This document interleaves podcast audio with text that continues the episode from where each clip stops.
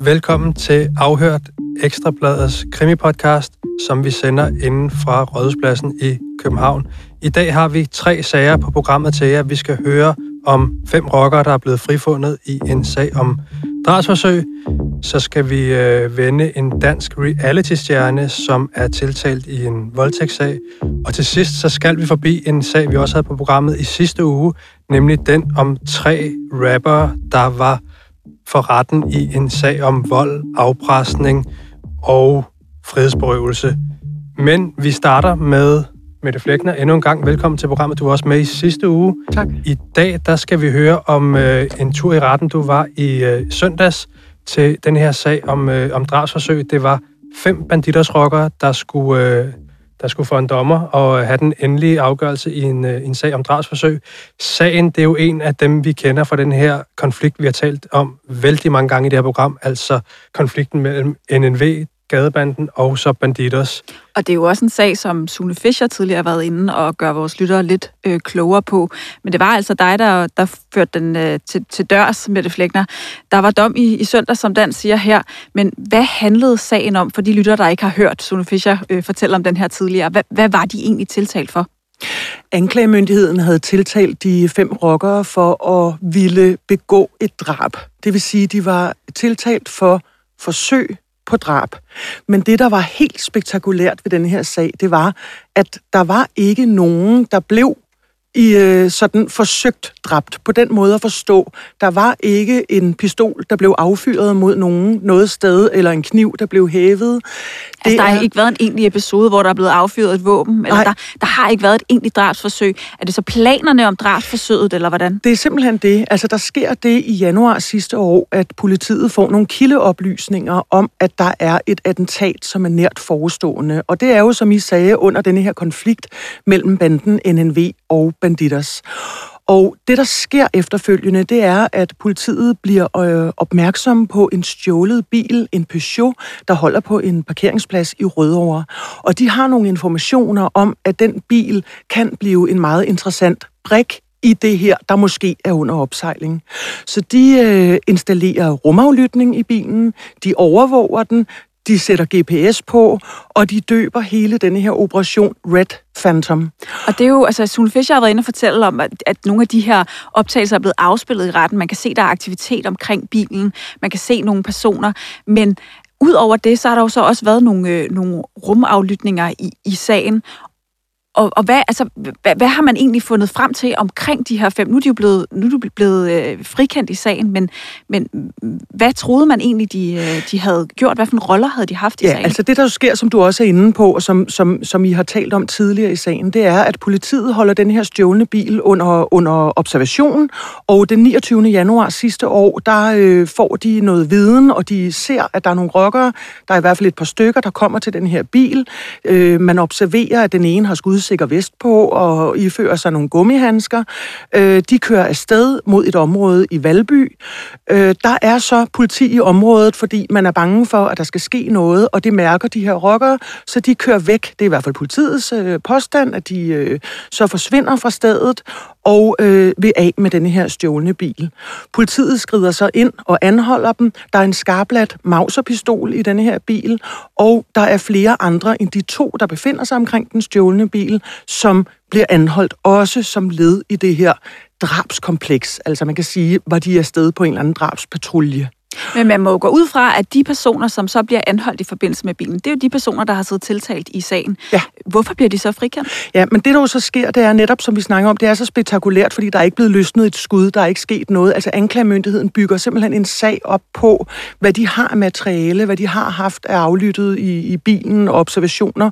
Og retten siger simpelthen til sidst her i søndags, at øhm, man mener ikke, at det med sikkerhed er bevist. Altså, der er ikke den fornødne bevismæssige sikkerhed for, at man kan dømme de her mennesker for, at de ville begå drab.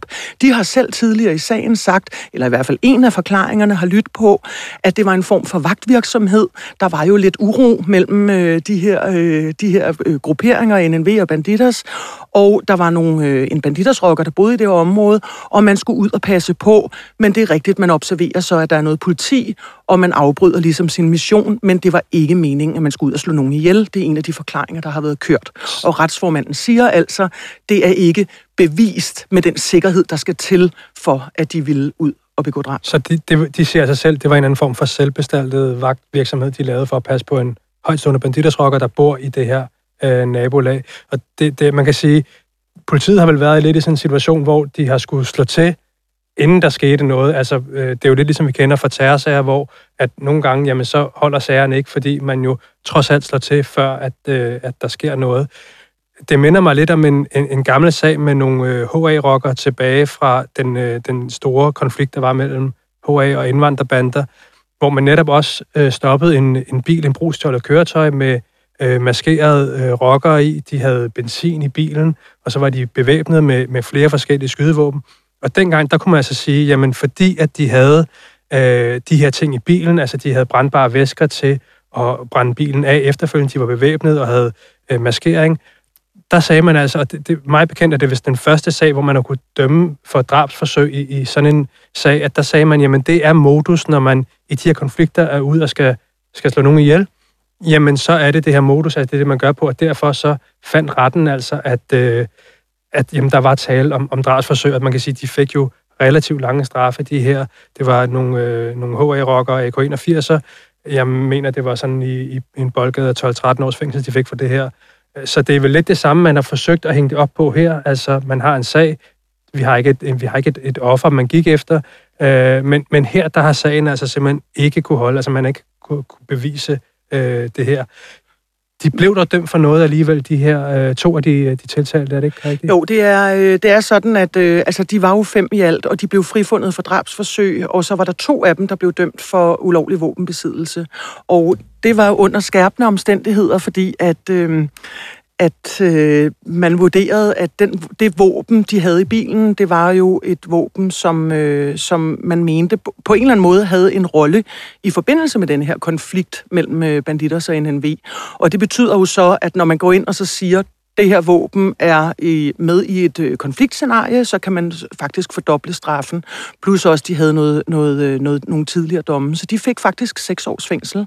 Men hvis jeg lige må vende tilbage til det med, som du også fortæller omkring drabsforsøget, jeg er ikke i tvivl om, at vi ikke har hørt det sidste til den her sag, eller at der kommer et efterspil, fordi anklagemyndigheden var jo forståeligt nok, når man har kørt en langvarig øh, sag, og, og i øvrigt nogle mennesker, der har siddet varetægtsfængslet i lang tid.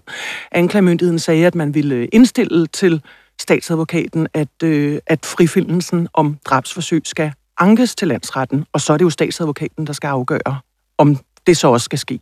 Men indtil videre er de i hvert fald øh, øh, frikendt. Hvordan var reaktionerne egentlig, da, da dommeren kom ud og sagde det her? Ah, men det var meget, meget højspændt, fordi det var jo øh, Frederiksberg Rets øh, største lokale. Øh, der er plads til rigtig mange tilhører øh, bag i, og øh, der var utrolig mange venner og, og familie. Der var rockerbrødre øh, på tilhørbænkene, der fyldte lokalet op.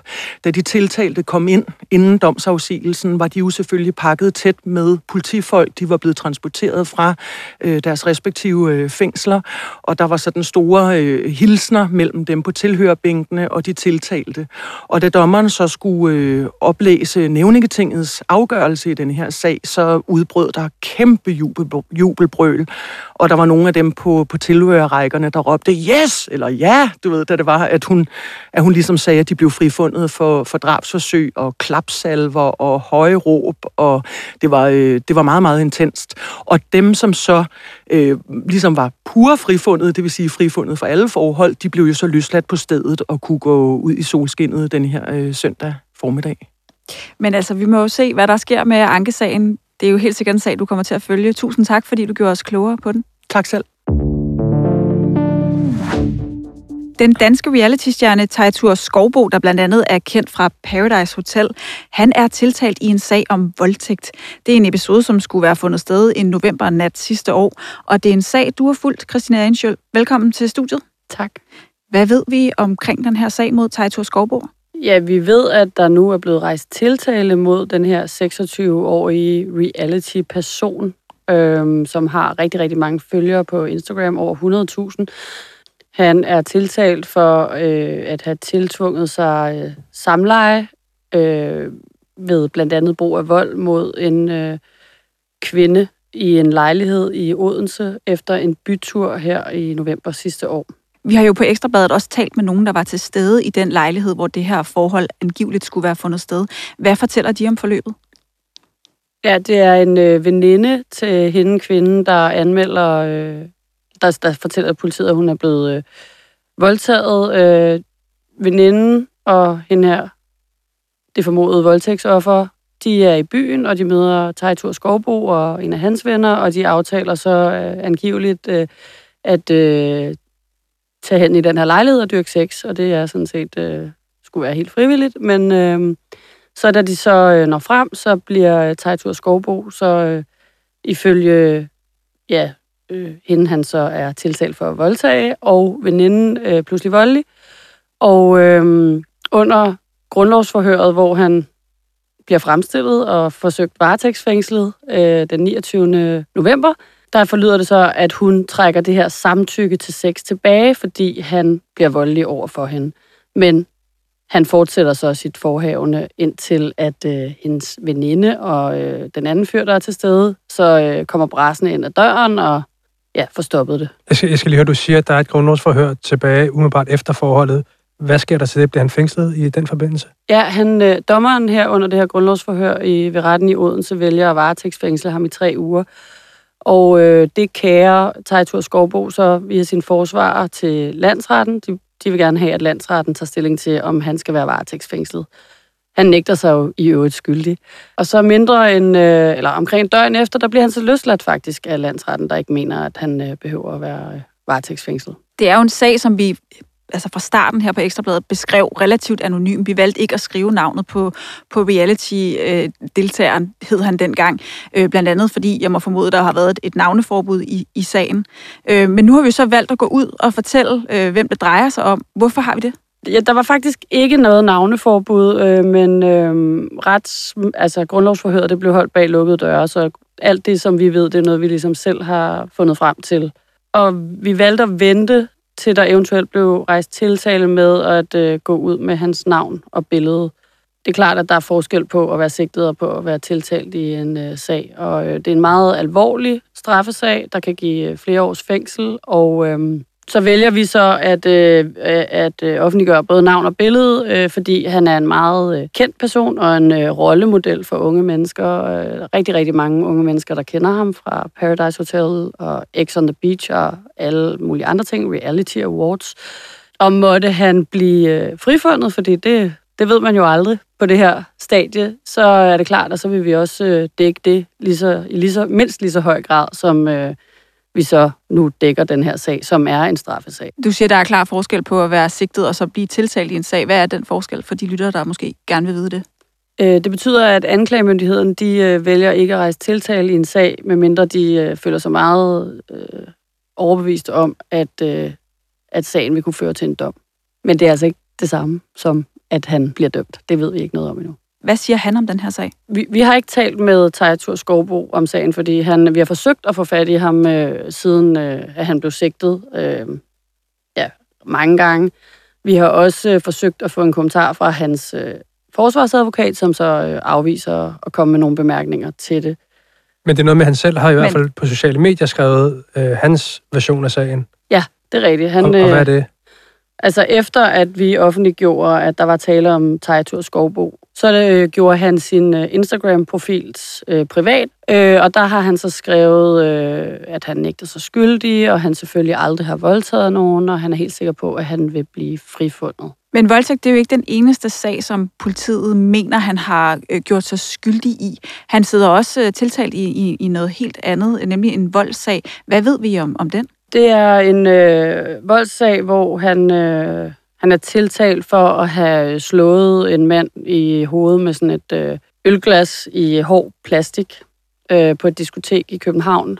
Det var i 2019. Det var kort tid efter, at han havde vundet Paradise, Paradise Hotel. Her nægter han sig også skyldig, og den sag den skulle faktisk for længst have været afgjort, fordi han øh, skulle have været i retten her den 26. januar, men øh, mødte så ikke op, fordi han, øh, han meldte sig syg. Så den sag, den, øh, den afventer ligesom at blive afgjort. Og hvornår den her voldtægtssag, hvornår skal den for, for retten? Det bliver her i løbet af maj. Tak fordi du gjorde os øh, klogere på sagen. Selv tak. Camilla, i sidste uge, der lovede vi, at vi ville følge op på denne her sag med tre rapper, der sidder tiltalt i en øh, alvorlig sag om grov vold, frihedsberøvelse og afpresning.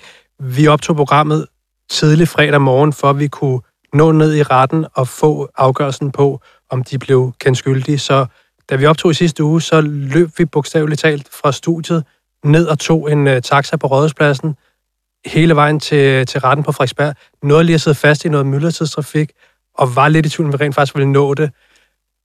Da vi så kommer frem til retten på Frederiksberg, så viser det sig så, at uh, det her nævningeting, der skal tage stilling til skyldspørgsmålet, de simpelthen skulle bruge en dag mere på at, øh, på, på at afgøre det. Så det vil sige, den skyldkendelse, som vi var taget ud til, den først vil finde sted mandag. Ja, det var noget af et antiklimaks, men øh, ikke desto mindre, så skal nævne ingenting jo tage den tid, de føler, de har brug for, for at finde frem til en eller anden form for kendelse i sådan en sag her. Og øh, vi var jo så rent faktisk til, til stede igen om mandagen, da nævningetinget og dommerne i øvrigt øh, havde fundet frem til, hvad de mener, øh, der skulle dømmes i, i den her sag. Og det startede jo med en skyldkendelse, og øh, der kom de faktisk frem til, at alle tre rapper havde gjort sig skyldige i den her sag, som vi jo øh, på Ekstrabladet har valgt at kalde en sag om seks fælder. Altså en, en, øh, en straffesag, hvor man ifølge anklagemyndigheden i en weekend i 2020 havde lukket tre forskellige mænd op i en lejlighed på Frederiksberg. Det var foregået i december i 2020, og mændene var jo så kommet en for en i den her lejlighed under øh, med, med de forventninger, at de skulle møde en ung kvinde, som de skulle have sex med. Forud for mødet, der havde der været noget korrespondence på, på den datingtjeneste, der hedder Badoo, og det havde været sådan en ret øh, øh, øh rowdy korrespondence, altså hvor man virkelig havde troet, at, at øh, nu skulle der ske ting og sager i den her lejlighed. Og da de så bliver hentet af en ung kvinde på øh, Nordre Fasanvej på Frederiksberg og bliver ført op i lejligheden, jamen så er det jo alt andet end det, de havde forventet, der kommer til at foregå. Der venter faktisk et tæskehold, som springer frem og øh, på den ene eller den anden måde udsætter de her mænd for meget grov vold. Og vi forklarede jo også i sidste uge, hvordan at øh, alle tre ofre blev linket til en radiator i lejligheden. Det blev de øh, linket med sådan et øh, sådan seks øh, håndjern, forklaret øh, offrene selv i, i retten, sådan et plysset øh, sæt håndjern.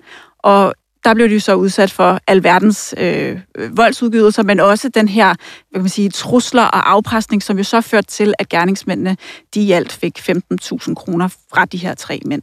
Ja, og det er vigtigt at sige, at de her øh, tre rapper, de har jo selv forklaret, at øh, deres formål med det her, det var, at de vil lokke de her mænd i en, øh, det her baghold, fordi de, ja, de anså vel sig selv for at være sådan et, et selvtægtshold mod pædofile. Ja, det er i hvert fald forklaring fra den ene, fordi vi skal jo huske, ja, at det, det er kun en af de tre rapper, der hele vejen igennem har erkendt, at jamen det er rigtigt nok, jeg har udsat de her mænd for, for vold, og, og, og det der med pengene, det, det kom sådan lidt hen ad vejen, da vi endelig havde linket dem til radiatoren, så så det der med pengene, det, det virkede som en god idé. Og de to andre har jo hele vejen igennem nægtet, at, at de var til stede i, i lejligheden. Det er rigtigt, men selvom to af dem altså nægtede sig skyldige hele vejen igennem sagen, så blev de alle tre øh, kendt skyldige.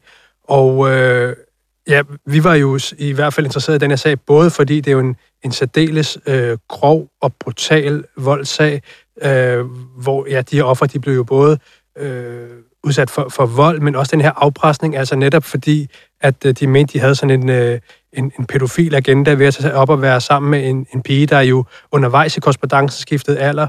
Hun startede med at være 18 år, og så lige inden de her mænd træder ind ad døren nærmest, så øh, skifter øh, hun forklaring og siger, at hun kun er 14 år. Og, og der brugte de her mænd jo altså øh, det her med, med, med, med det pædofile, altså de vil sladre til øh, familier og arbejdsgiver og myndigheder og fortælle om de her øh, pædofile tilbøjeligheder. Det var jo en, en, en del af afpresningen. Men en af grundene til, at vi jo også øh, synes, sagen var interessant, det var, at øh, de alle tre er danske rapkunstnere, især en af dem, er blevet et øh, hyldet som et, et stort talent i den, øh, i den danske øh, rap-industri. Og, øh, og derfor var vi jo også interesseret i at beskrive, hvem de her personer var, og i, i den forbindelse, der øh, forsøgte vi at få, få det her navneforbud, som der, der var for de her øh, tiltalte, øh, ophævet. Og der var jo en af dem, der i hvert fald øh, selv tog ordet ned i retten og, og havde en holdning til det. Ja, altså vi kan jo lige så godt øh, sige, at, at, at vi var ekstremt interesserede i at få, få det her navneforbud ophævet, og det er sådan, at, at normalt så vil man faktisk forsøge at gøre det ved, ved sådan en nævningtings øh, start. Det blev så afvist, og da skyldkendelsen så endelig øh, var der, jamen så kunne retten godt se, at okay, jamen nu er navneforbuddet faktisk øh, ikke nødvendigt længere. Vi har taget stilling til, at de her tre øh, unge mænd, jamen de har gjort sig skyldige i tiltalen. Og derfor så kunne vi jo skrive deres øh, navne, og vi kan jo også lige så godt sige nu her, øh, hvem det drejer sig om. Altså det drejer sig om de tre danske rappere, Miklo, Lukader og TJ Marni. Tre unge mænd, som gør sig på den her drill rap-scene, og særligt Miklo, som jo er den her 24-årige kunstner, som vi også i sidste program talte om, altså det her rap-talent, som har fået en kæmpestor kontrakt hos øh, et dansk øh, internationalt pladeselskab.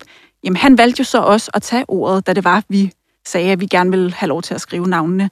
Og han var virkelig træt af, at vi skulle får lov til at skrive navnet. Og man kan jo kun sådan tænke sig til, hvorfor han synes, det var irriterende. Så en ting er jo selvfølgelig at blive sat i, i forbindelse med øh, sådan en alvorlig straffesag, som det her jo er. Men noget andet er jo også, at de her tre rapper, de, de rapper jo, øh, kan man sige, under nogle kunstnernavne, hvor de jo også gør sig enormt store bestræbelser på at skjule deres identitet. Ja, de optræder jo altid øh, maskeret og med handsker. Der er jo blandt andet øh, ham her, øh, Miklo, altså Anders Henkel Johansen. Han har jo altid handsker på, blandt andet fordi han har en tatovering på den, på den ene hånd. Altså, de har gjort alt øh, for at kunne øh, skjule deres identitet.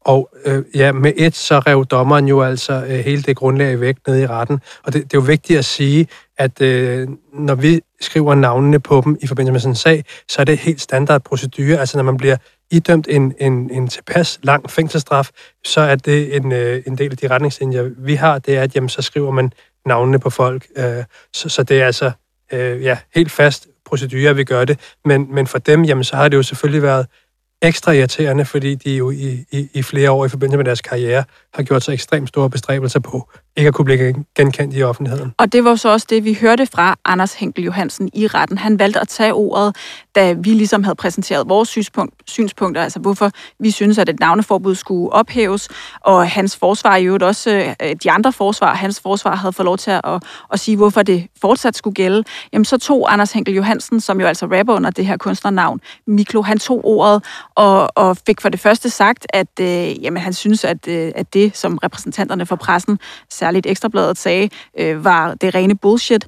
Men så sagde han også det her med, at en ting er Anders Henkel Johansen, noget andet er Miklo, og for ham var det her en karriere, og det synes han, at, at man skulle tage hensyn til.